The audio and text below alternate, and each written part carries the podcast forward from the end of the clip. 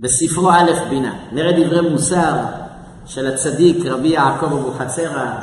אנחנו פה חוזרים על שני פסוקים שראינו בשבועיים הקודמים, אבל רבי יעקב מפרש אותם בהסבר נוסף, לכן הוא חוזר על הפסוקים הללו.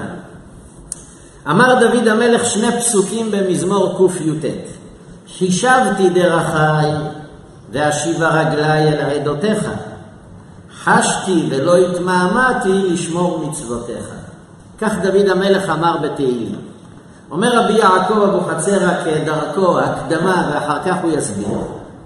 אי נמי, אי נמי פירושו או גם. או גם זה אומר עוד פירוש שהוא רוצה להסביר לנו. חישבתי דרכי וכולי. לפי דקאי מלן, עכשיו תבוא ההקדמה, לפי דקאי מלן, אם עשה אדם חבילות של עבירות, יעשה נגדן חבילות של מצוות.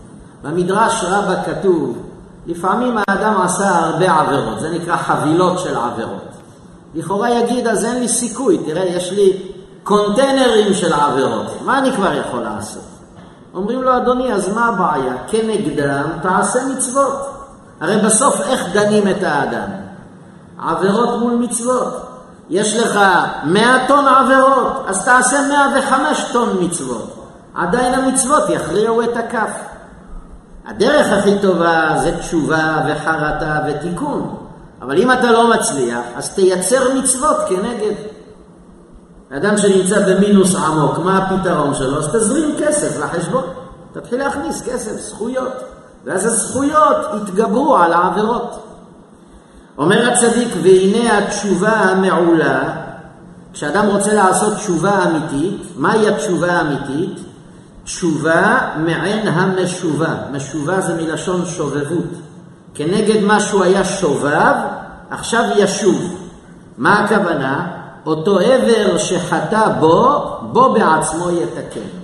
זה נקרא בפי חז"ל תשובת המשקל. תשובת המשקל זה אומר שאם האדם פגם בעבר מסוים. למשל, היה אדם שבצעירותו היה אדם אלים, היה מכה בידיו אנשים. איך יתקן את זה עכשיו? התשובה באותם יעשה חסד. אותם ידיים שאתמול היכה בהם אנשים ופגע, באותם ידיים עכשיו יעשה חסד, ייתן צדקה, יעזור לאנשים. באותם ידיים שהוא גנב כסף מאנשים, באותם ידיים ייתן צדקה לאנשים. זה נקרא תשובת המשקל. היה רץ ברגליו לדבר עבירה, ירוץ ברגליו למצווה. הביט בעיניו במראות אסורות, יביט בעיניו בדף של האור החיים, כן? יביט בקדושה, בתורה. ראה דברים לא טובים, עכשיו יראה תורה, דברים טובים. זו תשובת המשקל. וזה אומר רבי יעקב התשובה הכי טובה. בעבר שקלקל, בו יתקן. ואפשר, אומר הצדיק, איפה זה רמוז הדרך הזאת? ואפשר שלזה רמזה תורתנו הקדושה, זה בסוף פרשת משפטים, לא בסוף, באמצע פרשת משפטים, שם כתוב כך, עין תחת עין, שן תחת שן, יד תחת יד, רגל תחת רגל. קודם כל פשט הפסוק, אם אדם שבר לחברו את היד, מה כתוב? יד תחת יד. אה, מטרה מאוד. שבר לו את היד, שבור לו את היד חזרה, לא? יד תחת יד? אומרת הגמרא, ודאי שלא. אלא הוא שבר לו את ידו, תעריך כמה שווה ידו וישלם את דמי ידו.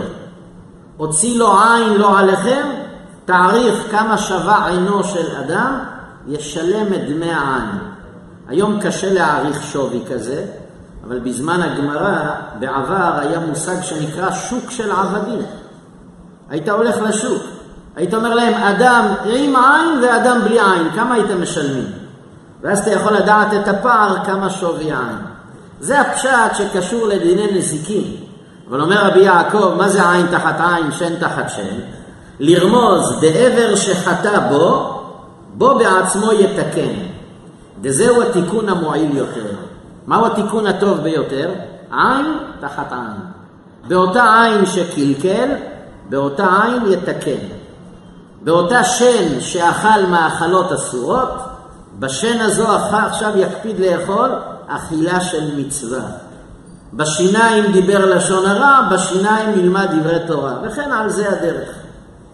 והנה אומר הצדיק, כשמתעורר האדם ורוצה לתקן בכל מה שפגם תיקון גמור, גם ההליכה שהלך בעצמו לדבר עבירה, צריך לעשות תיקון גם כנגד ההליכה היא.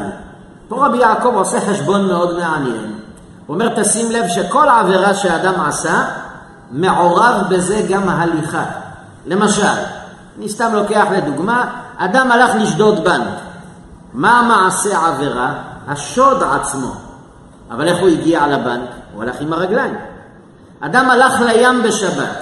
אולי מעשה חילול השבת זה השירות שלו בים, אבל גם ההליכה לים זו הליכה של עבירה. אומר רבי יעקב נמצא שבכל מעשה עבירה הרגליים ודאי מעורבות. כי להגיע למקום העבירה הגעת עם הרגליים. אז מי שרוצה לעשות תיקון שלם, זה לא, לא רק לתקן את העבר שפגם, רגליים תמיד צריכות תיקון. כי אין עבירה שאדם לא הגיע אליה עם הרגליים. אומר הצדיק, והתיקון ההוא, איך נתקן את רגלינו? והתיקון ההוא שיהיה משכים לבתי כנסיות ולבתי מדרשות. וכשישמע מצווה, ירוץ לה בלי שום עכבה כנעל. אתה רוצה לתקן את הרגליים? רוץ ולך לבתי כנסיות ובתי מדרשות. עכשיו באנו לכאן לשיעור תורה, ההליכה שבאנו לכאן מתקנת את הרגליים. כשנצא מכאן, נצא עם רגליים מקודשות יותר. כי ברגליים הלכנו לשמוע דברי תורה. ופה ברוך השם יש גם הרבה מדרגות, אז אתם זוכים לתיקון כפול. נכון? נכון. רבי ברוך אל תעשה מעלית. זה תיקון כפול, זה גם הליכה, גם מדרגות. אני לא אומר את זה בצחוק, זו אמת. כי כל צעד שאתה עושה לכבודה של תורה זה מתקן את רגליך. ולפום צער אגרא. אם אתה מתאמץ קצת יותר, התיקון גדול יותר. זה משפשף יותר את העבירה. אז תדעו, אומר הצדיק, כל עבירה מעורב בהליכה. כל עבירה מעורב בהליכה. איך נתקן את ההליכה? הליכה לדברי מצווה. עכשיו הצדיק מחבר את כל ההקדמה לפסוקים.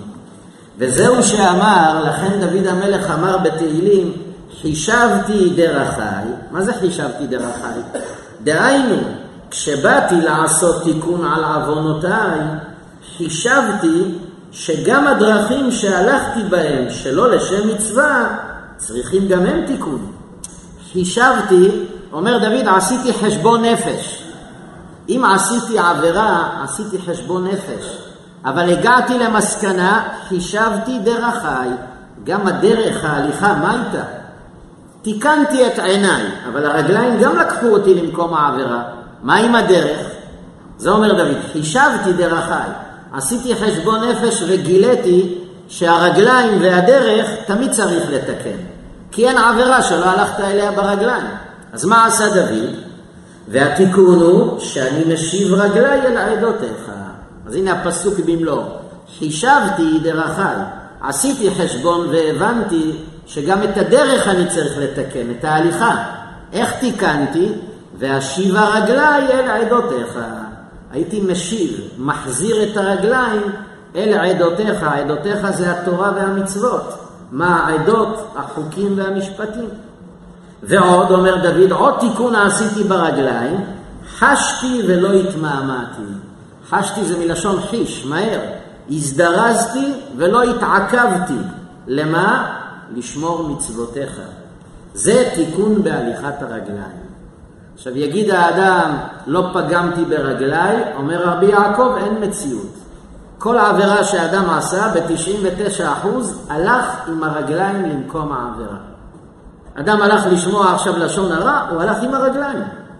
הפגם העיקרי זה באוזן, שהוא שמע את הלשון הרע, אבל הרגליים הוליכו אותו לשמוע את הלשון הרע. אז נמצא שאין אדם שלא צריך תיקון ברגליים. מהו התיקון? רמז לנו דוד שתי תיקונים. א', ללכת לדבר מצווה, ב', חשתי, להזדרז לדבר מצווה, שאלה פעולות שנעשות עם הרגליים. לכן הרבה פעמים האדם טורח ברגליו לדבר מצווה, שלא יקוץ ולא ימאס בטרחה הזאת. כל טרחה, אמנם דיברנו פה על הרגליים, אבל לא רק. כל טרחה שאדם טורח למצווה, צריך להודות להשם שיש לו את הזכות להתאמץ למצווה. כי על כל מאמץ שאדם מתאמץ פה, הוא יקבל בכפלי כפליים. היה פעם איזה אדם שעובד במחסן לוגיסטיקה. מחסן לוגיסטיקה, יש שם מקררים, תנורים, מוצרים, מחסן לוגיסטיקה ענק. אורשר זה נקרא, נכון? אמר לו הבוס בוקר אחד, אתה רואה את המקרר הזה? תוריד אותו למטה. וזה ישר מתחיל לקטר. דווקא אני, אין לך מישהו אחר. אמר לו, שמעת אותי? קח את המקרר, תוריד אותו למטה. זה מעמיס את המקרר על הגב, מוריד אותו לאט לאט, חצי שעה כולו מזיע, מתנשף. אומר לו הבוס, סיימת? לא נגמר, חכה. אתה רואה את התנור הזה? תוריד אותו בבקשה למטה. ועוד פעם הוא מקטר, תגיד לי, אין לך פועל אחר? תן לי לנוח. שמעת? תוריד אותו. אתה לא רוצה לך הביתה. הוריד את התנור, הוריד מכונת כביסה, תוריד את הספה, תוריד את הכיסאות. הכל חדש, מוריד. והוא מקטר ומקטר.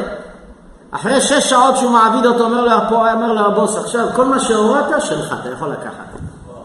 הוא אומר, אה, חבל שלא הורדתי עוד כמה דברים. נכון? אה, עכשיו אתה אומר, חבל שלא התאמצת עוד קצת. אומר הקדוש ברוך הוא, כשאתה מתאמץ למצווה, אתה מקטר. אה, איזה חם היום, איך אני אבנה סוכה? איך אני אבנה סוכה? אתה יודע כמה שכר אתה תקבל על כל טיפת זיעה?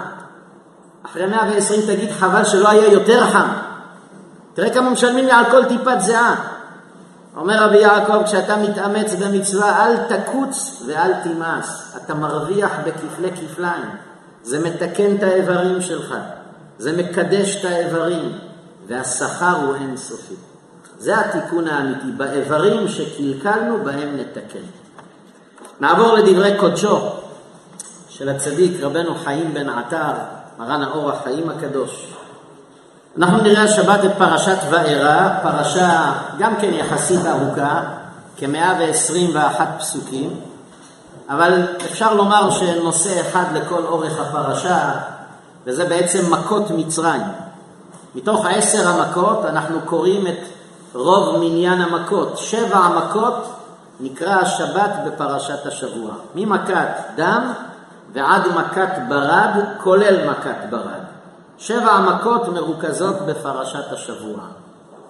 וכמובן שהתורה מעריכה ומתארת לפני כל מכה את האזהרות שמשה רבנו מזהיר את פרעה, מה יבוא לו אם לא ישלח את בני ישראל, איזה מכה, איך תיראה המכה, ובסוף גם התורה מתארת את המכה עצמה כשהיא מתרחשת. וככה התורה עוברת מכה אחר מכה, שבע מכות בפרשת השבוע. היום כמובן, אמנם סיימנו, אבל היום גם נכנסנו לחודש שבט, שלפי תורת הסוד, המצב טוב עכשיו. כי הזוהר כותב בפרשת שמות שיש שלושה חודשים שהם לא טובים כל כך לעם ישראל. חודש טבת, שסיימנו אותו, חודש תמוז וחודש אב. וזה נרמז בפרשת שמות, כתוב שיוכבד מצפינה את משה שלושה ירחים. ותצפינו שלושה ירחים. אומר הזוהר, השלושה חודשים הללו זה טבת, תמוז ואב. יהודי צריך להצפין עצמו, להוריד פרופיל. כי בשלושת החודשים הללו מידת הדין מתוחה על עם ישראל. אבל עכשיו נכנסנו לחודש שבט, מתרומם מזלם של ישראל. ומכאן בעזרת השם שבט, אדר, ניסן, זה חודשים של ישועה. השנה קיבלנו בונוס, פעמיים אדר. זה חבר מביא חבר, לא? אחד פלוס אחד. קיבלנו חודשיים טובים של מזל. אז בעזרת השם מפה יעלה ותתעלה קרנם של ישראל לישועות גדולות. ובעזרת השם יביא על המצרים ועל הערבים שם בעזה צפרדע וכינים ודבר, יביא עליהם את הכל בעזרת השם. לפני שנתחיל, יש פה שני רמזים ככה נפלאים בפרשת השבוע, אני אומר על דרך הרמז, כן, שלא נטעה, זה לא הפשט, אבל כתוב בפסוקים, ויאמר אדוני אל משה, ראה נתתיך אלוהים לפרעה. ואהרון אחיך יהיה נביאך, אתה תדבר את כל אשר אצווך. אז במעלת לימוד האור החיים הקדוש, המילה ראה נתתיך אלוהים לפרעה, ראה ראשי תיבות רבנו אור החיים. איך זה מתחבר ברמז? אלוהים לפרעה, אלוקים זה שליט. אתה תהיה השליט של פרעה. מי זה אתה? ראה, רבנו אור החיים. מה הרעיון שרמוז כאן? האור החיים הקדוש, התורה שלו זה תורה מיוחדת. זו תורה שיש בה כוח לשבר את כוחות הטומאה. פרעה רומז לכוחות הטומאה. והזכרנו כמה פעמים, גם האור החיים בפרשת ויחי כותב שהוא אישית נלחם בכוחות הטומאה, הוא עצמו נלחם בכוחות הטומאה, וגם ראינו מפי גדולי ישראל שתורתו של האור החיים יש בה יכולת לתאר את הלבבות מטומאה. לכן ראה רבנו אור החיים נתתיך קיבלת עוצמה להיות אלוהים לפרעה, שליט על פרעה, פרעה זה כוחות הטומאה. אתה תכניע אותם בתורתך ובזכותך. אני סיפרתי כמה פעמים, אני ככה לוקח עוד דקה, סיפרתי במעלת האור החיים, היה יהודי צדיק שהבבא סאלי, אנחנו קרובים להילולה שלו. הבבא סאלי מאוד מאוד העריך אותו, רבי משה בן טוב. והוא כמה פעמים ככה סיפר העוזר שלו, יהודי בשם הרב הלר. הוא אמר שלרב בן טוב היו מגיעות אימהות שלא עליכם בנותיהם התחברו לבני ישמעאל והיו מבכות, רבי תרחם עלינו, תעשה איזה תיקון, הבת שלי הולכת עם ישמעאלי. היה אומר להם, תביאו לי תמונה של הבת והישמעאלי, תשיגו לי תמונה. היה לוקח ביום שישי את התמונה של היהודייה עם הישמעאלי, היה עולה לקבר האור החיים, היה לוקח את התמונה וחותך ביניהם. והיה אומר רבנו חיים בן עטר, כמו שאנחנו הפרדנו אותם פה, אתה למעלה תפריד בין הנשמות. ואחר כך את התמונה של הישמעאלי היה שורף במתקן הנרות שמדליקים לאור החיים. וזה היה פועל. שאל אותו העוזר שלו, אז למה פה נעשה את זה גם בקברים של צדיקים אחרים? אמר לו, תיקון כזה רק האור החיים יכול לפעול. אני אמרתי את הסגולה הזאת לכמה אנשים וראינו ישועות בזה, תדעו, זה כוח אדיר. אז אתם רואים שהאור החיים גם אחרי מותו פועל ישועות ומפריד ומברר בין הקליפות והמוץ לבין התבואה האמיתית.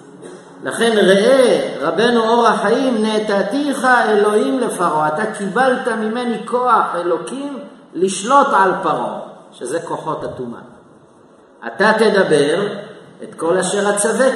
אתה ראשי תיבות, תורת אור החיים. אתה תדבר את כל אשר אצווך. כאילו אומר השם לאור החיים, התורה שלך תדבר, תלמד אותה, כי אני ציוויתי אותך. זה רומז למה שהיה אומר הבעל שם טוב, שהאור החיים הקדוש היה שומע חידושי תורה מפי הקדוש ברוך הוא.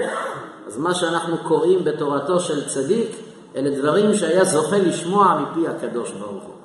לכן אמר לו, אתה תדבר, אתה יכול להגיד את התורה הזאת. זו תורת אמת. אז יש לנו זכות ללמוד גם הלילה מתורתו של צדיק. אז בעזרת השם נראה כמה קטעים ונחבר אותם לכדי יסוד גדול בחיים, שנשתדל להפיק ממנו לקח. בפרשת השבוע, ויאמר אדוני אל משה, השכם בבוקר, והתייצב לפני פרעה. ואמרת אליו, כה אמר אדוני אלוהי העברים, שלח את עמי ויעבדוני. קודם כל פשט הפסוק, אומר השם למשה, תקום בבוקר, תפוס את פרעה, ותגיד לו, אדוני פרעה, שלח את בני ישראל. אלוקים מחכה שתשחרר אותם. זה פשט הפסוק. אבל האור החיים הקדוש מפריעה לו פה איזה מילה בפסוק. המילה והתייצב. השכם בבוקר והתייצב לפני פרעה.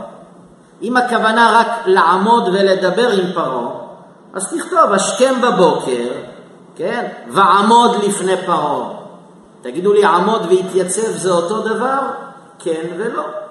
למה התורה בחרה את המילה התייצב, לא את המילה עמוד?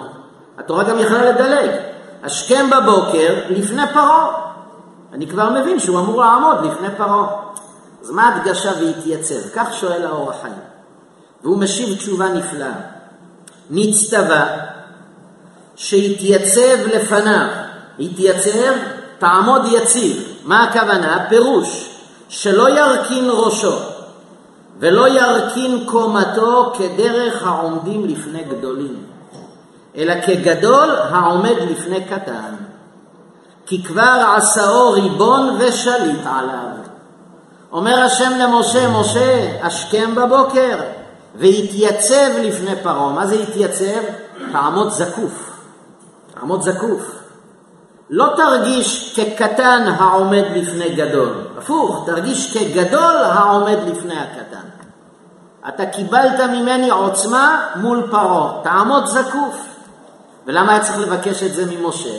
ממשיך הצדיק. והוצרך לצוותו לצד שמטבעו של משה להרכין ראשו מעט כדרך השפלים. משה רבנו הייתה מובנית בו מידת הענווה. ידע הקדוש ברוך הוא, אם אני לא אומר את זה למשה, הוא יעמוד לפני פרעה עם ראש למטה. לכן אמר לו השם משה, ענווה פה אני לא רוצה. להתייצב, תעמוד זקוף. לזה אמר, כי לפני פרעה לא יתנהג כן. זה מה שנאמר, השכם בבוקר והתייצב לפני פרעה. תעמוד יציב, תעמוד זקוף לפני פרעה. ככה השם מבקש ממשה, פה תכבה את מידת הענווה שיש לך. תאחסן אותה לכמה דקות כשאתה עומד לפני פרעה. אבל האור החיים ממשיך להשלים את העניין. זהו הסביר את המילה והתייצב. מה ההדגשה לפני פרעה? עוד רמז לו כי פרט זה שאומר לו התייצב, לא בכל מקום יסיר מעליו ההכנעה הרגיל בה, אלא לפני פרעה, אבל יהיה בליבו ענב ושפל לפני אל עליון, ויהיה ניצב בגופו וליבו מוכנע, מאימת מלוא כל הארץ כבודו. הנה עכשיו נסגור את העניין. אומר הצדיק דבר נפלא. אמר השם למשה, לפני פרעה התייצב. כשאתה לפני פרעה תעמוד זקוף. אבל אם אתה עומד לפניי, תוריד את הראש. מה שביקשתי ממך לעמוד זקוף, זה לפני פרעה. אבל לפניי, תוריד ראש. אתה עומד לפני מלך מלכי המלכים. אז זה אם כן ביאור הפסוק. ויאמר אדוני אל משה, השכם בבוקר, והתייצב, תעמוד זקוף לפני פרעה. אבל לפניי לא. לפני פרעה אני דורש ממך שתעמוד זקוף. השאלה הנשאלת, א', אנחנו מכירים את דברי חז"ל, שרש"י כותב אותו כבר בפרשת ויחי, הגמרא מזכירה אותו בכמה מקומות. יש פתגם שהגמרא אומרת בארמית, תעלה בעידנא סגידלה. כשהשועל מלך, תשתחווה לפניו. ככה הגמרא אומרת. בדרך כלל המלך זה האריה. גם אם השועל נבחר למלכות, כבד אותו. שועל בזמנו, תסגוד לו, זה התרגום המילולי. פרעה הוא מלך. נכון שהוא פרעה הרשע, אבל הוא מלך. מה קרה פתאום אלוקים אומר למשה, תעמוד זקוף לפניו? למה לא לכבד קצת את פרעה? אם אלוקים נתן לו מלכות, אז מה יקרה אם משה יוריד קצת הראש בפני פרעה? מה? מגיע לו כבוד, לא? ב', מה אכפת לקדוש ברוך הוא איך משה יעמוד בפני פרעה? יעמוד זקוף, לא יעמוד זקוף, מה זה משנה? העיקר שיגיד לפרעה את מה שצריך להגיד. זה משנה איך עכשיו הוא יעמוד? עם ראש בזווית כזו, בזווית אחרת? מה זה משנה? תגיד לו שישחרר את בני ישראל. מה גם שאנחנו יודעים שזה לא משנה באיזה זווית משה יעמוד, פרעה לא שחרר את בני ישראל בסוף. זה לא משנה, יעמוד זקוף או לא יעמוד זקוף, פרעה היה עקשן, לא שחרר. אז מה שמשנה צורת העמידה? למה האור החיים אומר, התייצב לפני פרעה, חשוב לי שתעמוד זקוף לפני פרעה. חי ורעי, כתוב פה יסוד גדול בדברי האור החיים. זה לא סתם. אומר השם למשה, תדע לך משה. בהמשך נראה את זה יותר בולט, אבל אומר השם למשה, תדע לך משה. כשאתה עומד לפני פרעה, זה לא משה מול פרעה. כי אם זה משה מול פרעה, זה באמת לא משנה לי איך תעמוד, תרצה אתה תבחר איך לעמוד, זקוף, יושב, עומד, זה לא משנה. כשאתה עומד לפני פרעה זה קדושה מול טומאה. אתה מבין, משה? זה קדושה מול טומאה.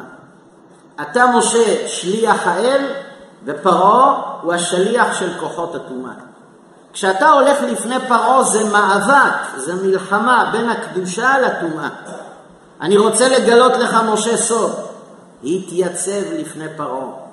כדי להכניע את הטומאה, כדי להילחם בצד הטומאה ולהחליש אותו, הכלל הראשון תבוא זקוף. זקוף זה אומר בלשוננו, תבוא בוטח בצדקת הדרך. אל תבוא מהסס, אל תבוא מתנצל, אל תהיה רופס. אתה מגיע בכוח הקדושה, תעמוד זקוף. לנצח את הטומאה, כלל ראשון, קודם כל תהיה בטוח בצדקתך. כשהטומאה מזהה עוצמה מולה, היא מורידה ראש. אם אתה לא תבוא בעוצמה, אתה תיפול. אין טעם שתלך. לכן אומר השם למשה, אתה שומע לעצתי השכם בבוקר, אבל ויתייצב לפני פרעה. מול הטומאה צריך לעמוד בעוז. תהיה בוטח בדרך, תשדר ביטחון. רבי יונתן אייבשיץ, המלך באירופה, במדינה שלו, היה אוהב להשתעשע איתו בדברי חוכמה. רבי יונתן אייבשיץ היה גאון, היה לו מוח חריף מאוד. יום אחד אמר לו המלך, תגיד לי רבי יונתן, אצלכם היהודים כשיש מחלוקת, איך פוסקים? אמר לו, יחיד ורבים, הלכה כרבים. אחר, אחרי רבים להטות. פשוט, אדוני המלך, אם יש מחלוקת, לא יודעים כמו מי לפסוק, רואים, שלושה אמרו מותר, אחד אמר אסור, אז נפסק כפי השלושה. הולכים אחרי הרוב, אחרי רבים להטות. אמר לו, יפה. אז תגיד לי רבי יונתן, כמה נוצרים יש בעולם? אמר לו, נגיד ארבעה מיליארד. כמה יהודים יש בעולם? עשרים מיליון. אמר, אז מי הרוב? הנוצרים. לפי תורתכם מה כתוב? אחרי רבים להטות. אז אתם צריכים להכריע כמו הרבים. כולכם צריכים להתנצר, לא? ככה אמר לו המלך. לפי הכלל שלכם. אתם יודעים מה ענה לו רבי יונתן אייבשיץ? אמר לו, אדוני המלך, מתי אמרו אחרי רבים להטות? כשיש לך ספק, כשאתה לא יודע מה לעשות. לנו אין ספק, אדוני המלך, אנחנו בטוחים בצדקת דרכנו. שם לא צריך את הכלל אחרי רבים להטות. אמר, אני אגיד לך יותר מזה, אדוני המלך. הנה אנחנו עומדים בצומת. לארמון שלך צריך לקחת ימינה. אם עכשיו אלף איש יגידו לארמון שמאלה, אתה תשמע להם? לא. כי אני יודע בוודאות שלארמון לוקחים ימינה, אבל אלף אומרים שמאלה, אמר לו המלך, אז זה אלף טיפשים, מה, אני צריך ללכת אחרי אלף טיפשים? אמר לו, אז זה גם אתה, אדוני המלך, התשובה. לנו היהודים אין ספק, אנחנו בטוחים בצדקת דרכנו. לא צריך להגיע על הכלל אחרי רבים להטות. זה אמר השם למשה, כשאתה עומד מול פרעה, זה קדושה מול טומאה. התייצב, תעמוד זקוף. תראה לו שאתה בטוח בצדקת הדרך. אתה לא צריך לפחד, אתה לא צריך להסס, לא לגמגם. תבוא זקוף. אתה מייצג את הקדוש ברוך הוא. אתה לא מוכר סוסיתות, אתה מוכר מרצדס. אתה מייצג פה את המפעל הכי טוב בעולם, את הקדוש ברוך הוא. מה, אתה צריך לגמגם? תבוא בגאון. לכן היה חשוב להשם שמשה יעמוד זקוף. להראות זקיפות קומה מול הטומאה. ובואו נמשיך, תראו שהדברים מתחדדים נפלא בדברי האור החיים. האור החיים בפרשה אומר עוד יסוד, שאני חושב שהוא כפתור ופרח למה שדיברנו. ויאמר אדוני אל משה בוא אל פרעה, זה לא פרשת בוא, שלא תטעו, הפסוק הזה מופיע בפרשה שלנו, זה במכת דבר. ויאמר אדוני אל משה בוא אל פרעה, ודיברת אליו, תגיד לו, כה אמר אדוני אלוהי העברים, שלח את עמי ויעבדוני. מה השאלה הנשאלת? כשאתה שולח בן אדם, מה אתה אמור להגיד לו? לך, לא? לך אל פרעה. מה זה בוא אל פרעה? למה בוא? זו שאלה שרבים שואלים, כבר הזוהר שאל אותה. מה זאת אומרת בוא אל פרעה? אם משה היה נמצא ליד הקדוש ברוך הוא, והשם שולח אותו לפרעה, היה צריך להגיד לו, לך אל פרעה, לך בשליחותי. מה זה בוא? נכון? למה בוא? אז יש גם על זה הרבה תשובות. אבל תראו מה אור החיים כותב, יסוד נפלא שהוא כלל. אומר הצדיק, בוא אל פרעה, כלל זה בידיך. קח כלל בפרשה שלנו וגם בפרשה הבאה. כל מקום שיאמר בוא אל פרעה, לא כתוב לך, בוא אל פרעה, יכוון לומר לו, מה כוונת השם בבוא? שייכנס אל טרקלין שלו בלא השאלת רשות.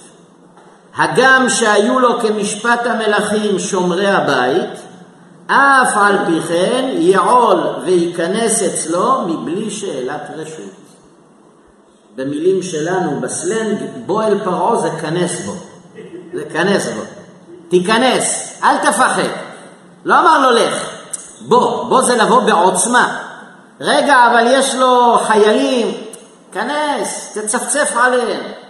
גם אם איזה חייל יגיד לך, סליחה אדוני, לאיפה? אל תתייחס, תמשיך, תמשיך. זה נקרא בוא. לא כתוב לך, בוא. לבוא זה לבוא בעוצמה. כמו איזה גל סוער, ככה לבוא ולהיכנס לארמון.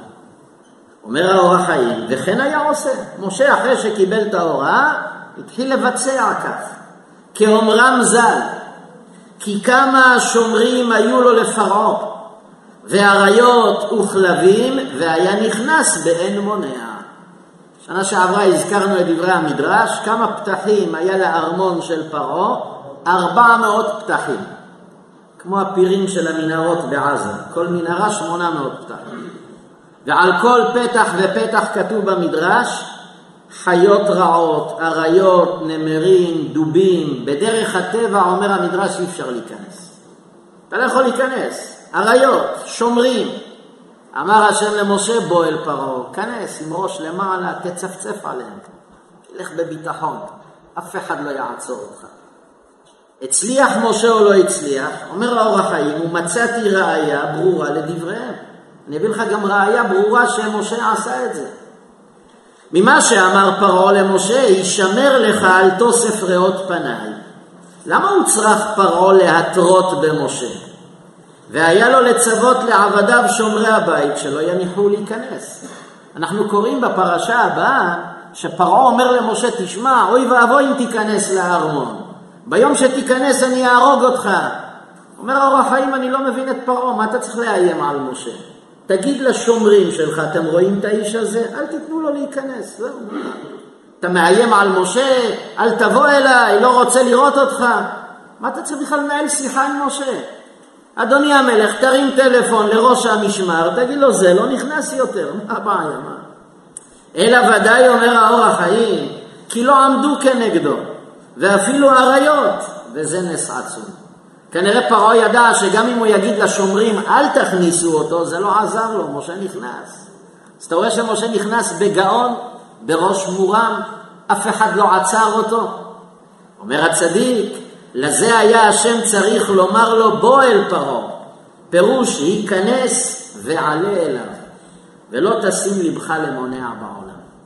אני מחבר את שני הקטעים באור החיים, אני חושב שיש פה יסוד גדול לנו לחיים. אומר השם למשה, משה, אולי נקרא גם את מקור שלוש ונוכל לסגור מערכה ראשונה. במקור שלוש אמר השם למשה בפרשת שמות, ועתה לך ואשלחך אל פרעה, והוצא את עמי בני ישראל ממצרים. מה אמר לו השם משה להשם? ויאמר משה אל האלוהים, מי אנוכי כי אלך אל פרעה? וכי יוציא את בני ישראל ממצרים? מה רש"י מסביר? מי אנוכי? מה אני חשוב לדבר עם המלכים? תראו דבר נפלא. כשהשם מבקש ממשה בפרשת שמות, לך לפרעה, תגיד לו שישחרר את בני ישראל. התגובה הראשונית של משה הייתה, מי אנוכי? אומר רש"י, אני לא חשוב, ריבונו של העולם, מי אני? אני אכנס לפרעה? לא הגיוני. אמר האור החיים בקטע הקודם, ולמה משה פחד? כי משה הייתה מובנית בו ענווה, ענווה טבעית. מה, אני אכנס לפרעה, המלך של המזרח התיכון? מי אני? אני רק רועה צאן, ככה משה ראה. אם אני אכנס בגמגום, בהיסוס, אמר לו הקדוש ברוך הוא בפרשה, משה, השכם בבוקר והתייצב לפני פרעה. אני אגלה לך סוד, משה. אם אתה מרגיש נחות מול הטומאה, אתה מרגיש פחות מפרעה, לא תצליח. הטומאה צריכה לזהות עוצמה. אם אין עוצמה אתה לא תצליח. היא לא נבלת מאנשים כמוך. כשאתה עומד לפני פרעה, התייצב, תעמוד זקוף. אל תעמוד כמו מסכן. לכן גם אמר האור החיים, בוא אל פרעה, תרגיש אתה המלך. כנס לבית שלו בלי לשאול אף אחד. תרגיש שאתה בעל הבית. אם כך תרגיש, אתה תנצח את פרעה והטומאה. יש פה יסוד גדול, אני אחדד אותו יותר. תראו כמה זה אקטואליה, הדבר הזה שצריך לעמוד זקוף מול הטומאה. רק ככה מנצחים אותה. יהודי יורד בשבת בבוקר עם הבן שלו מהבית לבית כנסת. שמונה בבוקר הולכים לבית הכנסת שחרית של שבת. במקרה אצלו בבניין יש יהודי שלא שומר שבת. כשהוא יורד עם הילד שלו, הוא עובר דרך החנייה, הוא רואה את השכן מעמיס צדנית לאוטו, גלגלי ים, הולך לים. הילד שלך והילד של השכן, כדרכם של ילדים, מתחילים לדבר. לאיפה אתם הולכים? אנחנו הולכים לים לעשות כיף. מה קורה לילד שלך אוטומטית? אבא, למה אנחנו לא הולכים לים? ילד, נכון, גם אני רוצה. פה עכשיו תשימו לב מה אבא עונה לו. יש אבא שאומר לילד, מה אני אעשה? יש לנו שבת אנחנו, מה, מה אתה רוצה? שמעתם איזה תשובה? הוא הפך את הילד למסכן עכשיו. הילד גדל בתחושה, אבא התכוון להגיד, אנחנו מסכנים, יש לנו שבת, נו מה נעשה? הייתי רוצה ללכת לים, אבל מה נעשה? שבת. יש לנו אזיקים על היד, כתוב עליהם שבת. הילד הזה יגדל בתחושה של מסכן, שהשבת ימללה לו את החיים. ורוב הסיכויים שהוא לא ישמור שבת. אז מה הייתי רוצה שאבא יענה? תעמוד זקוף. מול טומאה או מול חוסר שמירת מצוות אתה תעמוד זקוף. איך תעמוד זקוף? תגיד לו, בני, שאלה טובה, עוד שתי דקות אני אענה לך תשובה. בוא, בוא, בוא נתרחק רגע. בדרך לבית כנסת אני אתן לך תשובה. כשתתרחק מהשכן שלא ייפגע, תגיד לבן, בני, אני אגיד לך את האמת למה אנחנו לא נוסעים לים, והם נוסעים. הם מסכנים גדולים. הם מסכנים. הוא כל השבוע אוכל סנדוויצ'ים בעבודה, גם השבת הוא אוכל סנדוויץ'. אבל סנדוויץ' משודרג עם חול ים בפנים. אתה יודע איזה מסכן הוא? אתה בני מלך אתה. לים אני אקח אותך ביום שלישי, אבל אתה מלך, הוא אין לו את זה. הזכות של שבת אין להם. הם לא גדלו על שבת, הם מסכנים, תרחם עליהם. תתפלל עליהם שיחזרו בתשובה. עכשיו הילד גדל עם גאווה. לנו יש שבת, יש לנו אוצר שלהם אין. זה נקרא לעמוד זקוף. אל תשדר לילד שלך מסכנות. אנחנו שומרי מצוות, מסכנים, נגזר עלינו לסבול, ממש לא. תגיד לבן שלך, אנחנו חיים החיים הכי איכותיים זה אצלנו. הם לא שומרים שבת, הם מסכנים. הוא כל השבוע קם בשש וחצי לעבודה. ביום שבת הוא גם בשש וחצי קם, לתפוס חניה בים. תגיד לי, זה לא חמור זה? כל השבוע עובד קשה גם בשבת, לך תנוח קצת. וקראת לשבת עונג. תשדר לילד שלך חשיבות, לא מסכנות.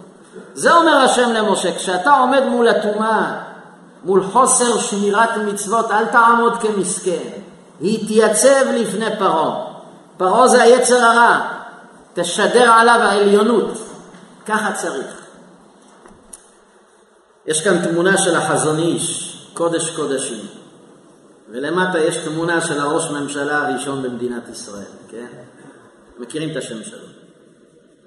זה תמונה מהמפגש שלו עם החזון איש. ביום שני בשבוע, א' לחודש חשוון, בשנת תשי"ג, תשי"ג, לפני 70 שנה, 71 שנה, הוא רצה לפגוש את החזון איש. והתמונה שמצולמת פה זה הכניסה שלו לביתו של החזון איש. ממרום שבטו הוא רצה לשמוע ולראות מי זה החזון איש, הנה התמונה שלו למעלה. ומי שליווה אותו לפגישה בארבע עיניים עם החזון איש זה היה המזכיר שלו, קראו אותו יצחק נבון. כמדומה לי לימים הוא הפך להיות נשיא במדינה. חמישים דקות ארכה הפגישה בין ראש הממשלה לחזון איש. יצחק נבון המזכיר שלו, כשיצא אחר כך, הוא אמר שראש הממשלה הראשון אמר לחזון איש, רבי, אנחנו עם ישראל עכשיו כולנו במדינה אחת. אתם שומרי מצוות, אנחנו לא. אנחנו צריכים להנהיג את המדינה, אנחנו צריכים להנהיג את המדינה. כי יש צרות, יש ערבים, יש ישמעאלים, יש או"ם, אנחנו צריכים להנהיג. אתם צריכים להתכופף בפנינו. אנחנו הנהגה בידינו, אנחנו נוביל. אתם יודעים מה ענה לו החזון איש? ותחשבו, כשאתה עומד מול ראש ממשלה, אתה כבר מקבל פיק ברכיים. ולא בובות שיש היום. מי שהכיר אותו ואת ההיסטוריה שלו, הוא היה ראש ממשלה חזק מאוד. אמר לו החזון איש, כבודו, אתה טועה. הגמרא אומרת במסכת סנהדרין בדף ל"ב, אם יש שני גמלים שהגיעו לגשר, מי ייתן ראשון זכות קדימה? אז הגמרא אומרת, אם יש גמל טעון במסע וגמל בלי מסע, הגמל הטעון במסע ילך ראשון. אמר לו החזון איש, אדוני, אתם העגלה שלכם ריקה, אנחנו העגלה שלנו מלאה. אתם צריכים לפנות לנו את הדרך. ההנהגה לא צריכה להיות אצלכם, אצלנו, שומרי המצוות. אמר לו למה? אמר לו כי לפי תורתנו צריך לתת את המושכות, את הזכות קדימה למי שהעגלה שלו מלאה. אמר אנחנו שומרי המצוות העגלה שלנו מלאה. אתה יודע במי מלאה? בעגלה שלנו יושב אברהם אבינו, יצחק, יעקב, משה, אהרון, דוד ושלמה, רבי שמעון בר יוחאי, רבי עקיבא, בבא סאלי, מי שאתה רוצה אצלנו. אצלך מי יושב בעגלה? אתם המצאתם איזה ישראלי חדש, חצי אמריקאי, חצי אנגלי, חצי צרפתי, אני יודע. מאיזה תרבות יש לכם?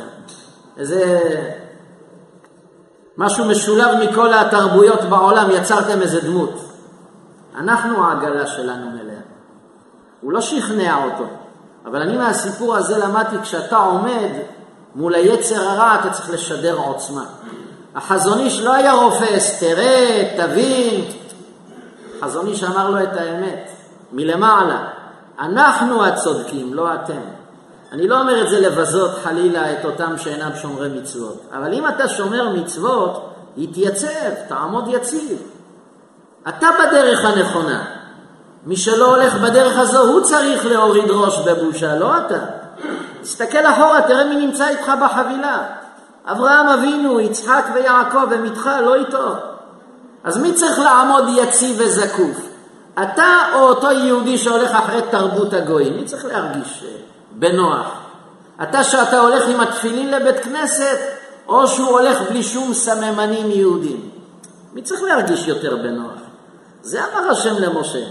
משה, אתה מייצג את דרך האמת, אז למה אתה נכנס לפני פרעה רופס? מי אני שילך לפרעה? אתה יודע מי אתה? אתה הכי חשוב בעולם, תעמוד בגאון. היום בבוקר בירכנו שלא עשני גוי, נכון? מה זה שלא עשני גוי? שלא עשני ערבי בעזה? זה הכוונה? ממש לא. זה לא צריך זכות לא להיוולד לשם פלאח בעזה, זה לא הכוונה. שלא עשני גוי, אתה הודית היום בבוקר לאלוקים שהוא לא עשה אותך אפילו נשיא ארצות הברית. מחר בבוקר כשנגיד שלא עשני גוי, תשימו לכם בשקית של התפילין תמונה של נשיא ארצות הברית. עכשיו אני מבין למה יש כאלה בסטנד בתפילה, ליד הסידור, הם שמים את הפלאפון. כנראה מעלים את התמונה של נשיא ארצות הברית, לכוון טוב, שלא עשני גוי, לא? כנראה, לא? מה, שלא עשני גוי, אני מודה להשם שלא עשה אותי נשיא ארצות הברית? התשובה כן, אתה יותר חשוב ממנו. אתה יותר חשוב ממנו, תדע לך. הוא ממליך מלכים ולוחם מלחמות, אתה יותר חשוב ממנו. מיליארד סינים לא יכולים להגיד קדיש, מיליארד, לא אחד, לא שתיים, לא מאה, לא אלף. מיליארד סינים, תעמיד עכשיו מיליארד סינים, לא יכולים להשלים מניין. עשרה יהודים, לא משנה איך הם נראים, מה יש להם בגוף ומה אין? עשרה יהודים אומרים קדיש. אז מי יותר חשוב, תגידו? אתם מבינים מה זה החשיבות של יהודי? לכן אמר השם למשה, למה אתה עומד רופס, מהסס, מי אני שילך לפרעה? מי אתה שתלך לפרעה? יתייצב. תעמוד זקוף. אתה מוכר את המוצר הכי טוב בעולם, אמונה בהשם. אתה מייצג את הקדוש ברוך הוא. ככה אנחנו צריכים לחיות, אחי ורעי. אסור לך להרגיש מתנצל על דרך האמת, לא בטוח בצדקת הדרך, אתה מהר מאוד תיפול. אתה צריך לעמוד בראש זקוף. אומר האור החיים הקדוש בספרו ראשון לציון על מגילת אסתר, אתם יודעים, אור החיים יש לו ארבעה ספרים. ספר אחד נקרא ראשון לציון, זה פירוש על חלק מספרי הנביאים. במגילת אסתר, זה דבר שלמדנו אותו לפני פורים, במגילת אסתר כתוב, ומרדכי לא יכרע ולא ישתחווה. שואל האור החיים הקדוש בספרו ראשון לציון, קשה, מקור ארבע, קשה. למה כתב לשון עתיד? דהיה צריך לומר, לא קרע ולא השתחווה. כי הראייה והידיעה תהיה על מה שעבר, לא על מה שעתיד. הרי מגילת אסתר מספרת את ההיסטוריה שכבר קרתה, מה שכבר היה. זה עבר, נכון? מרדכי היה פעם. אז מה היה צריך להיות כתוב? ומרדכי לא קרע בעבר. מה זה לא יכרע? לא יכרע בעתיד? מרדכי לא קרע, לפני אלפיים שנה הוא לא קרע. למה נאמר לא יכרע? אומר האור החיים דבר עצום, צריך להיות בעל רוח הקודש בשביל זה. אכן נראה לומר שמרדכי עליו השלום, מלבד שלא היה משתחווה כדרך שהיו כולם משתחווים לאמן, אלא שהיה עושה המצאות. עושה המצאות זה יוצר סיטואציות להודיע כי אינו חפץ להשתחוות. וזהו אומרו לא יכרע ולא ישתחווה. קודם כל עונה האור החיים, אתה יודע למה כתוב לא יכרע? לא יכרע זה לא לשון עתיד. לא יכרע פירושו היה גורם להראות שהוא לא קורע. יוצר מציאות, יוצר סיטואציה, להראות לאמן אני לא משתחווה לך. לכן לא נאמר לא קרע, לא יכרע. היה עושה פעולות שהוא מראה שהוא לא משתחווה. תן לי דוגמה, אומר האור החיים. הנה הוא מביא שתי דוגמאות. והמציאות שיכול להיות בזה הוא כי לפעמים שהיה עובר המן ומרדכי מוטה ושוחה ובעבור המן לפניו לא היה נשאר שוחה אלא יושב ביושר לומר כי לא חפץ לכרוע עליו. תראו מה אומר האור החיים, מה זה לא יכרע? מרדכי היהודי בדיוק ישב בתחנת האוטובוס בשושן הבירה והוא ראה שהשרוך בנעל השתחרר אז מרדכי היה רוכן לנעל כדי לשרוך את הנעל. בדיוק הוא רואה את המן עובר לפניו ברחוב. מה אנחנו היינו עושים? ממשיכים לטפל בנעל, לא? מרדכי היה רואה את המן מגיע, היה נשטר מיד מזדקף. רגע, אבל הנעל, היה אומר מרדכי, הנעל תחכה, אבל המן יראה שפרינציפ אני לא משתחווה לו. זה נקרא לא יכרע. גם אם מרדכי היה בסיטואציה שהוא כבר כפוף, כשהמן עובר, הוא מזדקף. למה? אומר האור החיים, ראית איך מרדכי נלחם בהמן? אמר מרדכי, המן הרשע הזה עשה מעצמו אליל. לפי דברי הגמרא, היה לו גם אליל בחיקו, שרשרת עם פסל. אמר, זה מסמל את הטומאה. איך נלחמים בטומאה? בעוז. המן, אני לא משתחווה לך, מצפצף עליך. למה המן היה כועס על מרדכי, אתם זוכרים? בראות את המן את מרדכי כי לא זע ממנו, וימלא המן חמא. מה זה לא זע? אמר, תראה, היהודי הזה לא מתרגש ממנו. צפצף עליי בריש גלה, זה הרתיח את המן. לא שמרדכי לא משתחווה, העוצמה של מרדכי, העוז, איך הוא עומד זקוף מולי. יש הרבה יהודים שעמדו מול המן, ניסו לעמוד זקוף, אבל הם רועדים. תראה את מרדכי באיזה עוצמה. זה הרתיח את המן. אומר האור החיים, כשאתה נלחם מול הטומאה, תעמוד זקוף. אל תבוא בהיסוס, אל תתנצל, אל תרגיש לא בטוח בצדקת הדרך, אתה לא תצליח. טומאה צריך להילחם, טומאה צריך לעמוד בעוז, רק כך מכניעים אותה.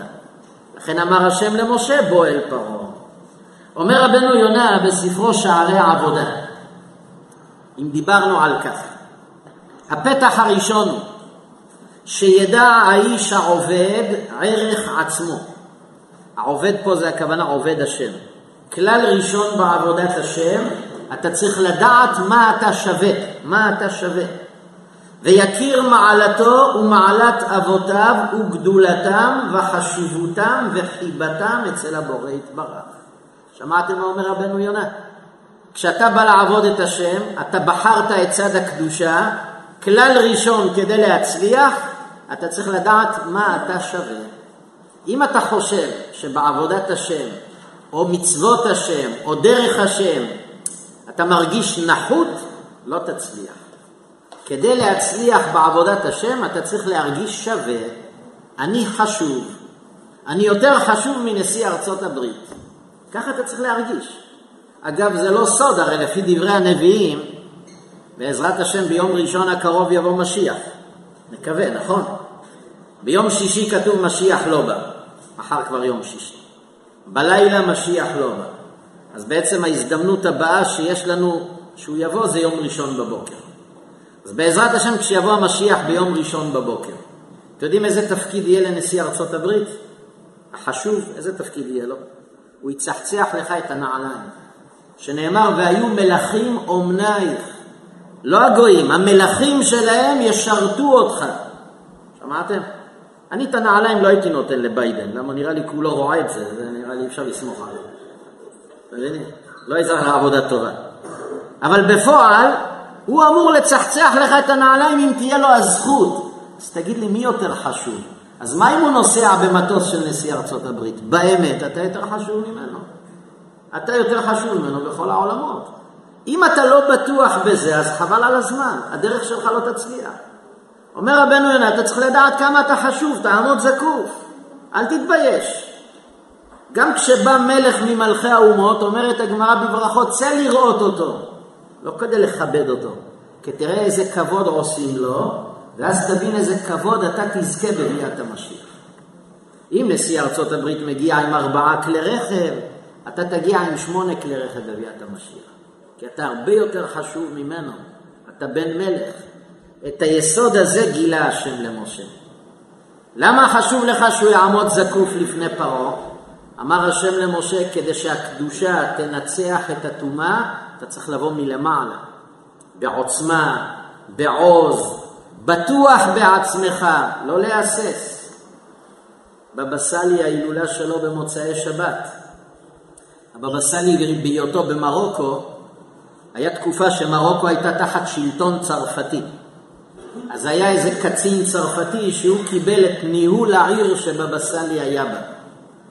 הצרפתי הזה, הגוי הזה, לא ידע מה זה יהודים. הגיע חודש אלול, ואצל אה, בני עדתנו ובעבר היו קמים לסליחות בשתיים בלילה.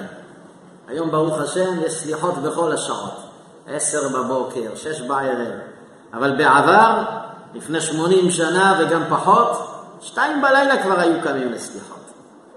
הקצין הצרפתי הזה ישן על מיטתו, שתיים בלילה שופרות, סליחות. הוא מתעורר בלחץ, מי זה מפריע על השינה שלי? לא נרדם. בבוקר הוא שואל את האנשים, מה זה היה פה בלילה? אמרו לו, היהודים יש להם סליחות. מה, עכשיו זה חודש של סליחות. אמר, היהודים יש להם סליחות? מי מנהל את העיר, אני או הם? תקראו לחכם שלהם. מי זה היה שם בבא סאלי? אמר לו, אדוני הרב, הלילה אין סליחות, נגמר הסיפור. שמעת? אין סליחות. אני רוצה לישון בלילה, אני מחליט מה יהיה פה. אני בטוח שאנחנו היינו נבהלים, שמע, הקצין, השליט, מה נעשה? אתם יודעים מה בבא סאלי עשה?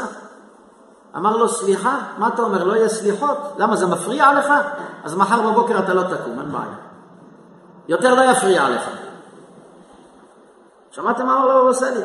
אתה לא רוצה סליחות כי זה מפריע, אני אדאג שזה לא יפריע לך, הלילה אתה לא תקום. תלך לישון, לא תתעורר. איזה עוצמה תגידי, בבא סאלי, מול מי אתה עומד? איך אתה מדבר? אומר בבא סאלי, את מי אני מייצג? את עצמי? סליחות אני עושה לכבוד עצמי? אני עושה סליחות לקדוש ברוך הוא. אני נציג הקדוש ברוך הוא, אני צריך לפחד מהאדם הזה? בבא סאלי עמד בעוז, אתם יודעים מה קרה בסוף? בלילה, בלילה הבא, בשמונה בערב, הוא ישב על הכורסה שלו, אותו קצין, וככה גיחך, אמר, אני רוצה לראות הלילה את היהודים יעשו סליחות. לא עבר רבע שעה, הוא קיבל שבץ ומת על הכורסה שלו. היהודים עשו סליחות באותו לילה, וזה לא הפריע לו יותר, כן? לא הפריע לו יותר. איפה בבא סאלי יש לו את העוצמה הזאת? אומר הקדוש ברוך הוא למשה, משה, אתה לא מייצג את עצמך, אתה מייצג אותי. אני הולך איתך. אתה מייצג את הקדוש ברוך הוא. אתה צריך להתבייש? אתה מייצג את הסחורה הכי טובה בעולם, היא תייצב לפני פרעה, תעמוד זקוף, אל תפחד, תגיד לו את האמת. הוא צריך לפחד, לא אתה. בוא אל פרעה, כנס ללא חשש. אנחנו צריכים להסתכל בגאווה, בקדושה, על העולם מסביב.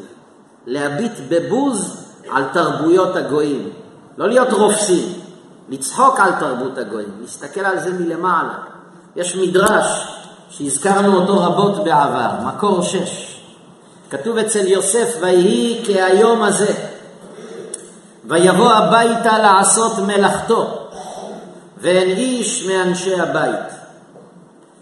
ותתפסהו בבגדו לאמור שכבה עמי, ויעזוב בגדו בידיו וינוס ויצא החוצה. רש"י מפרש לפי דעה אחת במדרש, ויהי כהיום הזה ויבוא הביתה לעשות מלאכתו, התורה דיברה בלשון נקייה. יוסף בא לעשות עבירה עם אשת פוטיפר. אז למה בסוף וינוס ויצא החוצה? אם הוא הסכים לעשות עבירה, אז למה בסוף הוא ברח? המדרש עונה על השאלה. אני קורא את לשון המדרש בילקוט שמעוני. אמרה לו, מי אמרה לו? אשת פוטיפר אמרה ליוסף, מה לך? סיכמנו שנעשה עבירה, אז מה קרה פתאום אתה מהורהר? משהו עובר עליך, יוסף. מה הוא עונה לה? אמר לה, אבא אני רואה. אמר לה, תשמעי, אני רואה פה את אבא שלי. אמרה לה, והיכן הוא? איפה אתה רואה את אבא שלך? תגיד לי, יוסף, מה שתית? הכל בסדר? איפה אבא שלך? תגיד לי, אתה מדמיין. אבא שלך בארץ כנען, איפה אתה רואה אותו? ואין איש מאנשי הבית. אני לא רואה פה אף אחד, מה אתה אומר לי אבא שלך פה? עכשיו תראו איך יוסף מגיב. אמר לה, את בת חמורים, אשר בשר חמורים בשרם, וחמור אינו רואה. אבל ענה מן הרועים, שנאמר, וירא את המקום מרחוק. אמר לה, את חמור את. תגיד לי, יוסף, עכשיו מה אתה בא להכפיש אותה? לא הבנתי. אתה לא רוצה לעשות עבירה, תגיד לה, לא רוצה, אני הולך הביתה. מה, את חמור, אני רואה? מה זה הסיפורים האלה?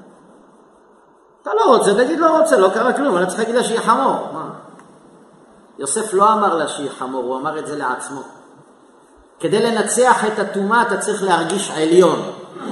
אני יותר חשוב. יוסף עומד מול אשת פוטיפר בניסיון מאוד קשה. איך עכשיו הוא יתגבר? מה הנשק שהוא יוכל להכניע את היצר? הוא עמד זקוף. הוא אמר לה, גברת, אם את לא רואה פה מישהו, את חמור. הוא לא אמר את זה כדי להשפיל אותה, כדי לרומם את עצמו. אז מה לי ולמעשה חמורים הזה? אני צריך ליפול לטומאה הזאת? היא בבחינת בהמה, מה אכפת לה? אני בהמה? אני מהרועים, אני מהעם המיוחס בעולם. יוסף בא עם מבט של העליונות. אני צריך ליפול לרצונות של החמור הזה, של הטיפשות הזאת. ושוב, הוא לא התכוון להכפיש אותה, הוא התכוון לרומם את עצמו. כשאתה מרומם את עצמך, אתה מרגיש חשוב, אתה כבר לא תיפול לזוטות האלה. את היסוד הזה גילה השם למשה. כשאתה עומד מול טומאה, התייצב. תרגיש חשוב. תרגיש חשוב, זה יציל אותך מהרבה עבירות. לכן כשאנחנו מתמודדים כיום מול טומאה וכל מיני ניסיונות, אנחנו צריכים להבין את החשיבות שלנו. כשאדם לא מבין את החשיבות שלו, הוא נופל. אבל אם אתה יודע שאתה חשוב, אתה לא תיפול לדברים האלה. למה אתם לא משחקים בחול מדי פעם כשמשעמם לכם? תגידו, מה? אה? לא בא לך לפעמים להתגלש במגלשה בגינה הציבורית? למה אתה לא עושה את זה? מה אתה אומר? אני במגלשה, נראה לך אני ילד קטן? אתה מבין? ההרגשה של החשיבות מונעת אותך מלעשות דברים מסוימים. מה, אני אתגלש? מה, אני ילד קטן? אז מה, כן, אתה ילד קטן, תתגלש. לא, לא מתאים. כשאתה מרגיש חשוב, זה עוצר אותך. אמר יוסף, אני? אני ארד לרמה שלה? זה כמו חמור, תראה, היא אומרת, היא לא רואה כלום, לא מרגישה כלום, זה בהמה זה. אני צריך לשחק איתה עם הבהמה הזאת, חס ושלום. זה לבוא בעליונות. הקדושה צריכה להסתכל מלמעלה אל הטומאה. יש מדרש מופלא במקור שמונה, מדרש תנחומה. תנחומה, רבי תנחומה היה תנא, והוא השאיר לנו ספר מדרשים עצום, מדרש תנחומה, זה ספר אדיר שמסביר רבות, רש"י מתבסס עליו הרבה בפירושים שלו. המדרש מספר מעשה באנטונינוס, שבא לקיסרין. אנטונינוס היה קיסר ברומא. הוא הגיע לקיסרין, יש אומרים זה קיסריה, יש אומרים זה עיר אחרת, ושלח אחר רבנו הקדוש. הוא שלח, הרי אנטונינוס היה מעריץ של רבי, רבי יהודה הנשיא, הוא היה מעריץ שלו. אז הוא אמר לרבי, הגעתי, תבוא לבקר אותי. הלך עמו רבי שמעון בנו ורבי חייא הגדול. מי מלווה את רבי יהודה הנשיא לפגישה? הבן שלו רבי שמעון וגדול תלמידיו רבי חייא. הם מלווים את רבי לפגישה עם קיסר רומא אנטונינוס. כמובן המדרש לא אומר, אבל רבי נכנס לפגישה, הבן שלו והתלמיד נשארו בחוץ, בחדר ההמתנה. פגישה בארבע עיניים בין נשיא ישראל למלך רומא. כשהם יושבים בחוץ, אומר המדרש, ראה רבי שמעון שם ליגיון אחד, נאה ומשובח, ראשו מגיע לקפלרס של העמודים. רבי שמעון, בנו של הנשיא, כשהוא ישב בחדר ההמתנה, הוא ראה איזה חייל רומאי, יפה, גבוה, שמגיע לקלפירס של העמודים. מי שראה פעם עמודים ישנים, יש להם כותרת למעלה. החייל הזה מגיע עד הכותרת בראש העמוד, תגידו שתיים וחצי מטר גובה. מה זה שומר ראש, איך נראה? רבי שמעון, בנו של הנשיא, כשראה אותו, התפעל. אז מה הוא אומר לרבי חייא? אמר לו לרבי חייא, ראה כמה פתומים עגלים של עשיו. תראה, בני אדום האלה כמו עגלים, תראה איך הוא מפותם, שווה, אה? תראה איך הוא נראה. אמר לו רבי חייא, נטלו רבי חייא והוליכו לשוק, והראהו סל של ענבים ושל תאנים, והזבובים עליהם. אמר לו רבי חייא, זבובים אלו ואותו לגיון שווים. אמר לו רבי חייא, כבודו, הגזמת, אתה השווית אותו לעגל? אתה רואה את הזבובים פה על הענבים? הוא והזבוב אותו דבר. כשיצא רבי מהפגישה, עכשיו הבן שלו, רבי שמעון, מספר לו מה היה. כשעלה רבי שמעון אצל אביו, אמר לו, כך אמרתי לרבי חייא, וכך השיב לי. אבא, אני אמרתי שהם עגלים, והוא אמר, לא, הם זבובים. מה אתה אומר, אבא, מי צודק? אמר לו רבי, לא אתה צודק ולא הוא צודק. מה אמר להם רבי? אמר לו, כל כך נתן רבי חייא הבבלי, ממש שהשווה אותם לזבובים? תראו, הוא הוסיף למילה לרבי חייא הבבלי. כשהוא אמר הבבלי זה מילת גנאי כאילו. אה, רבי חייא בא מבבל, עיראקי, הוא לא משופשף כנראה, הוא עוד יש לו מה ללמוד. זה נקרא הבבלי, כאילו רבי קצת עקץ את רבי חייא. הוא לא הגיע משלנו, הוא בא מבבל זה, זה צריך עוד ללמד אותו. מה, רבי חייא השווה אותם לזבובים? מה פתאום? לפי שלגיונים אלו אינם ספונים לכלום, אבל זבובים הקדוש ברוך הוא עושה שליחותו בהם. אמר לו רבי, מה, הוא השווה אותם לזבובים? מה פתאום? הם פחות מזבובים. תגידו לי, מה הדו-שיח הזה? לא הבנתי. רבי שמעון בנו של רבי יהודה הנשיא ראה איזה חייל שתיים וחצי מטר גובה, רומאי, נאה, מרשים, אמר זה עגל. אמר לו רבי חייא זה זבוב.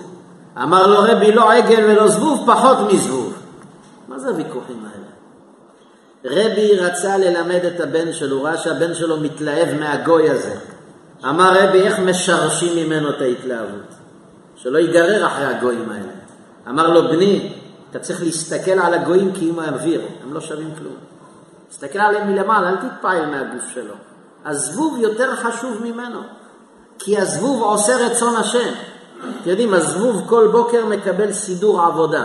למי לנדנד היום? והזבובים עושים את זה פיקס. הוא מקבל סידור עבודה, בין 10 ל-11 תפריע לראובן. בין 11 ל-12 לשמעון ולוי. ותראה איך הזבוב עובר מאחד לשני, וכמה שאתה נותן לו מכות מפה הוא חוזר. למה הוא עושה את רצון השם במדויק? אז הזבוב עוד עושה את רצון השם. הגוי הזה עושה את רצון השם? הוא מקיים שבע מצוות בני נוח? לא מקיים. אז מה אתה מתלהב ממנו?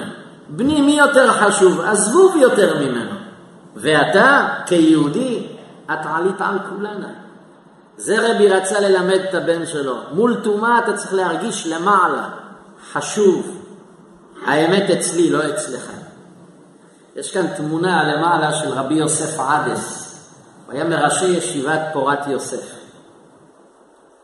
רבי יעקב עדס המפורסם זה אחיין שלו.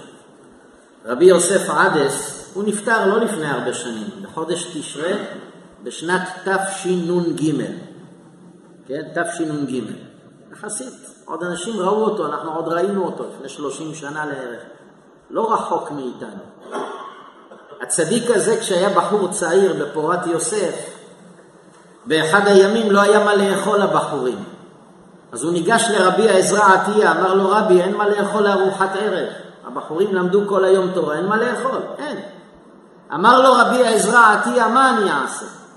זה זמן מלחמה בעולם, אז התרומות מחו"ל לא מגיעות. והממשלה שהוקמה לא נתנה לנו כלום, אז מאיפה אני אביא? אמר לו רבי, ואם הממשלה תיתן משהו יהיה? אמר כן, אם ייתנו כמה שקלים, נוכל לקנות קצת אוכל לבחורים. אמר רבי, אני אסדר את זה, אל תדאג. רבי יוסף עדס היה בחור. הוא ניגש לשר האוצר בזמנו, קראו אותו פנחס ספיר. לא היה אדם מכבד תורה ואוהב תורה, יהודי רחוק מפה.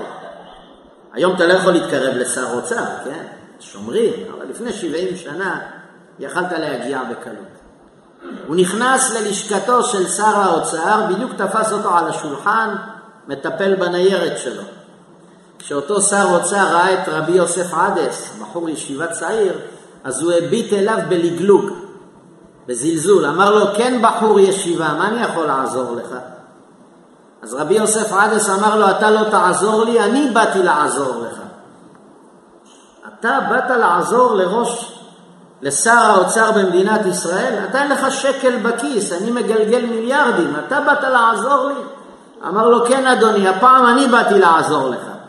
טוב, בוא נשמע מה אתה יכול לעזור לי, ככה הוא מדבר בלגלוג אליו. אמר לו, אדוני, אתה הרי בסוף תגיע לגיהינום. אני באתי להציע לך עסקה, איזה מאוורר לגיהינום, אתה רוצה לקנות? אמר לו, איך הגעת לגיהינום, תגיד לי? אמר, פשוט מאוד, אתה לא שומר שבת, לא מניח תפילין, לא אוכל כשר, מחלל יום כיפור, אתה בדרך לגיהינום, מוקדם מאוחר תגיע לשם.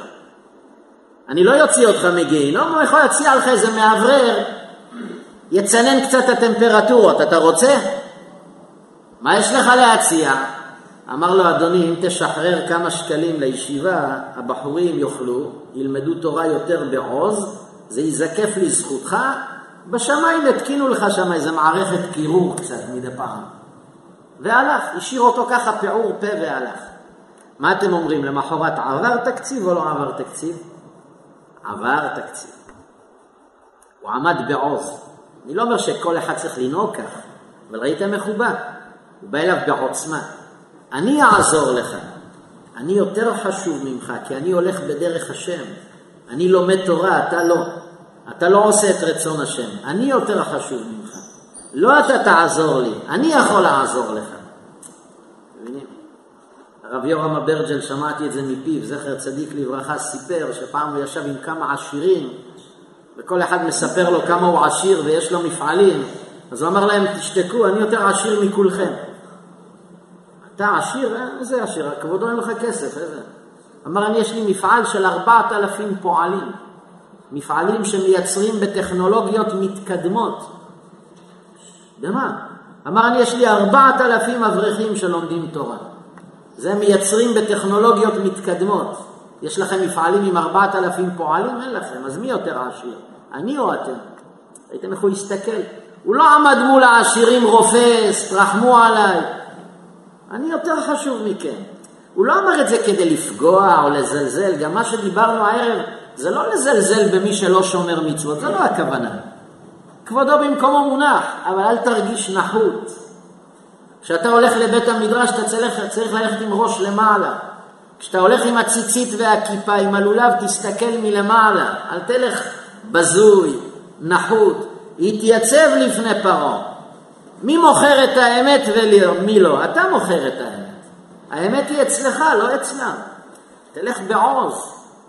אם מגיע לפה למדינת ישראל איזה צ'יף אינדיאני, הוא מגיע עם כל הנוצות טווס שלו, אה? מגיע לכנסת עם הנוצות טווס. אתה שואל אותו, תגיד לי, מה זה הלבוש הזה? מה אומר לך? אצלנו במשפחה כבר 300 שנה זה מסורת. 300 שנה אצלו זה כבר מסורת. הוא הולך בניו יורק עם הנוצות האלה, הוא לא מתבייש. אז אתה צריך להתבייש עם הציצית שמלווה אותך 3,500 שנה, אתה צריך להתבייש. על מה אתה מתבייש? הטיפש הגוי הזה הולך עם נוצות, נראה כמו טווס באמצע הניו יורק והוא לא מתבייש. הוא גאה, יש לי מסורת אבות, הולך עם נוצות. אתה יש לך מסורת פי אלף יותר משלוש, 3,500 שנה. אתה צריך להתבייש בכיפה, בציצית, בסוכה, בלולב. זה אמר השם למשה. אתה רוצה לנצח את הטומאה? לך והתייצב. אני רק אסכם את הדברים בסיפור על רבי יוסף כהנמן, סיפרנו את זה גם כן הרבה. הנה יש פה תמונה שלו, רבי יוסף כהנמן היה ראש ישיבת פונוביץ', והוא פעם אחת השתתף באירוסין של אחד מתלמידיו. וכשהוא נכנס לבית של הכלה כדי להשתתף באירוסין, מסתבר שהוא עבר ליד המטבח, ובמטבח הייתה ישיבה של הדודים של הכלה. הדודים האלה לא היו כל כך אוהבי תורה. אז רבי יוסף כהנמן כשעבר הוא שמע את הדודים של הכלה מדברים ואומרים זה לזה, תגיד, האחיינית שלנו לא מצאה חתן יותר נורמלי? מה הביאה לנו את הלמך הזה? מה הביא איזה בטלן תלמיד ישיבה? מה הוא יודע בחיים? ככה הם התחילו לדבר ביניהם. אז רבי יוסף כהנמן עצר, אמר להם, סליחה, אני יכול רגע להתערב? אמרו לו, כן. למה אתם מזלזלים בחתן? אמרו לו, תשמע, הלמך, מה הוא יודע? לומד שור שנגח? זה מה? הוא יודע לעשות משהו? אמר להם, סליחה, ואני חייב להגיד לכם, אתם טועים. אנחנו טועים? כן. אני יודע דווקא שהחתן הזה, שמעתי עליו שהוא קבלן בניין גדול. קבלן בניין? אז למה הכלה לא סיפרה לנו? אמר פשוט, הוא מעלים קצת מיסים, אתם יודעים, הוא מסדר את העניינים, שלא יתפרסם, הוא מפחד מעין הבישה, אז הוא עובד מתחת השולחן. מה אתה אומר, קבלן בניין גדול? איפה הוא בונה? הוא בונה בכל העולם, מה קרה לכם? עכשיו הדודים שהיו קטגוריים הפכו להיות סנגורים, עשו כינוס חדש. אחד אומר לשני, תשמעו, החתן הזה לא כמו שנראה, כך הוא מרגיע אותם, לא כמו שנראה. קבלן גדול, אפשר לבנות עליו הרבה, זה נראה לי... אבל למה לא נראה? שמעתי מהרב שלו שהוא אוהב ככה לעבוד בשקט, בהצנע, אבל אומרים שהוא קבלן גדול. עכשיו נהיה לו הערכה. כשרבי יוסף כהנמן חזר לישיבה, אמרו לו התלמידים רבנו, אבל מה, שיקרת? איזה קבלן, מה קבלן?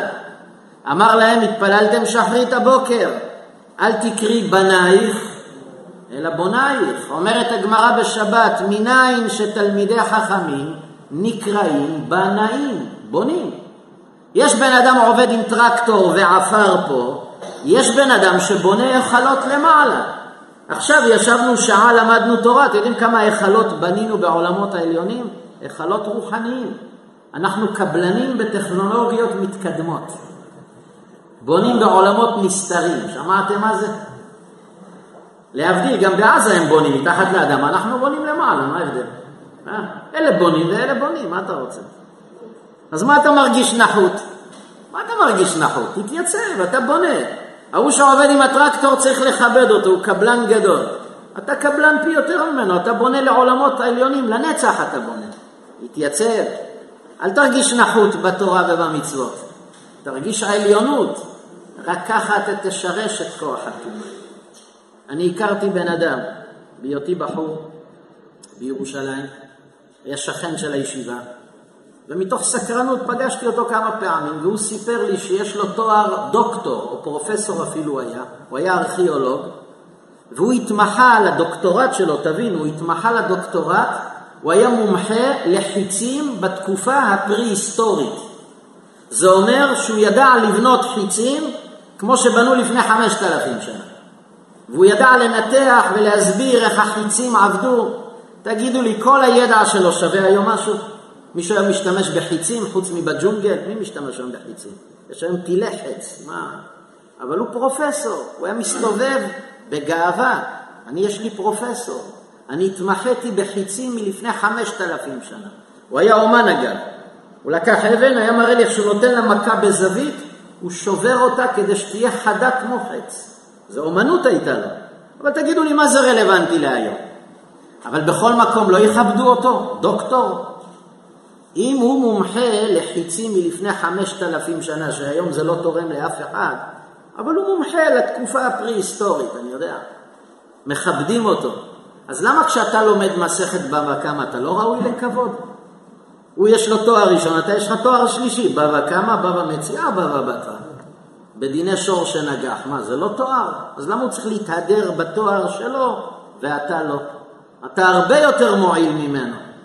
אז למה הוא מרגיש בעננים? אני דוקטור. אתה סופר דוקטור, אתה, אם אתה יודע מסכת. מה? הידע שלך פחות? הידע שלך יותר תורם. ככה אנחנו צריכים. לכן אני מסכם, אמר השם למשה, משה, אני רואה שאתה מהסס. אתה שואל מי אני שאלך לפרעה. אם ככה אתה הולך, ברכה לבטלה, אתה לא תצליח. כי אתה לא עומד מול פרעה, אתה עומד מול כוחות טומאה. אתה עומד מול יצר הרע, התנין הגדול זה פרעה. כדי לנצח טומאה תבוא בביטחון. היא תייצב לפני פרעה, תעמוד זקוף. כשאתה עומד להתפלל, גם באמצע התחנה המרכזית, אל תפריע לאנשים, תפוס פינה, אבל תתפלל, אל תפחד. אל תגיד לא נעים. אתם מכירים את הישמעאלים ממח שמם, הוא גם בלב תל אביב ישים שטיח על הרצפה. מגיע לו הזמן של התפילה, הוא מצפצף על כולם. למי הוא מתפלל? למי אתה מתפלל? מה אתה אומר בתפילתך? איזה שמות קודש? אתה צריך להתבייש, אתה צריך לעמוד בגאון. ככה ננצח את כוחות הטומאה. יהיו דברינו בעזרת השם להצלחת יאיר בן שושנה ושלומי בן חווה, שהשם יברך אותם בכל הברכות הטובות, ויזכו בעזרת השם לשפע, בריאות והצלחה מרובה בכל עסקיהם, וצדקתם תעמוד לעד בעזרת השם. יהיו הדברים גם למשמת חדיר חורי בן פלילה, שהיום פקידת שנתו, רוח השם תניחנו בגן עדן. כן, כמובן גם מכאן שלוחת תפילתנו וברכתנו, שבזכות דברי התורה, השם ישמור על כל החיילים בכל מקום שהם, והשם ירפא את פצועי עמו ישראל, והשבויים מבני עמנו, שהשם יחוס עליהם, וישיב אותם בריאים ושלמים בעזרת השם. ייתן הקדוש ברוך הוא שנזכה בעזרת השם להלך בגאון, בראש מורם, שהקדוש ברוך הוא ירחם על עמו ישראל, יביא לנו את החודש לטובה, לברכה, לששון, לשמחה, לבשורות טובות.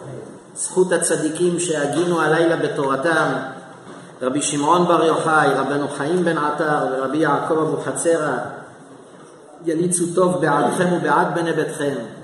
ויהיו הדברים להצלחת יאיר בן שושנה ושלומי בן חווה, שהשם יברך אותם בכל הברכות, ונזכה יחד עם עם ישראל לגאולה השלמה.